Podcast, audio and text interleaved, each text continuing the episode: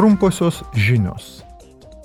Vakar Europos parlamento nariai ir tarybai pirmininkaujantį Švediją susitarė, kad iki 2030 metų teisiškai privaloma iš atsinaujinančiųjų išteklių pagaminamos energijos dalis turi sudaryti 42,5 procento galutinės ES suvartojamos energijos kiekio. Pagal šį susitarimą ES šalys turi siekti, kad 45 procentai jų energijos būtų pagaminama iš atsinaujinančiųjų išteklių ir paspartinti naujų atsinaujinančiųjų išteklių energijos įrenginių patvirtinimo procedūrą.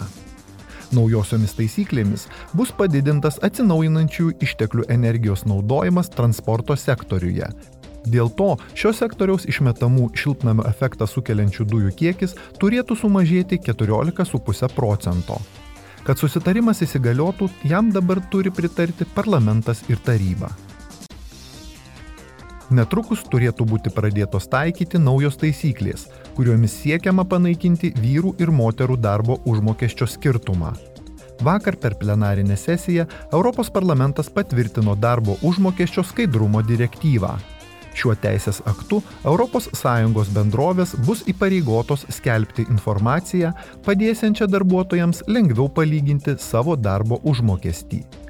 Viena iš pranešimą dėl šio teisės akto rengusių parlamento narių Kira Marie Peter Hansen sakė, šiuo balsavimu panaikiname darbo užmokesčio slaptumo sutartį, stipriname darbuotojų teisės ir darbuotojų asmeninę teisę į informaciją Taip pat reikalaujame darbdavių pranešti apie jų mokamo darbo užmokesčio skirtumus ir juos panaikinti.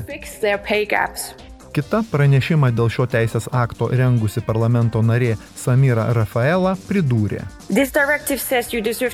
Šioje direktyvoje teigiama, kad jums turi būti sudaromos vienodos sąlygos ir kad jums turi būti tinkamai atlyginta neatsižvelgiant į jūsų lytį, kilmę ar fiskalinės savybės. Jei tai būtume palikę savieigai, vyrų ir moterų darbo užmokesčio skirtumas rinkoje būtų įsilyginęs tik iki 2086 metų. Dėl naujų taisyklių jau susitarta su taryba. Pagal jas reikalavimų nesilaikančioms įmonėms leidžiama taikyti sankcijas, įskaitant baudas. Parlamento nariai paminėjo didžiojo penktadienio susitarimo 25-asias metinės. 1998 m. balandžio 10 d. Belfaste pasirašytas Didžiosios Britanijos ir Airijos vyriausybių susitarimas užbaigė 30 metų trukusį smurtinį konfliktą Šiaurės Airijoje. Pradėdama minėjimo ceremoniją, Europos parlamento pirmininkė Roberta Metzola sakė. Per 25 taikos metus kasdienis žmonių gyvenimas Šiaurės Airijoje pasikeitė. Jiems nebereikia bijoti smurto. Visoje saloje matomas bendradarbiavimas, tačiau šis Belfasto didžiojo penktadienio susitarimas vis dar turi būti puoselėjamas.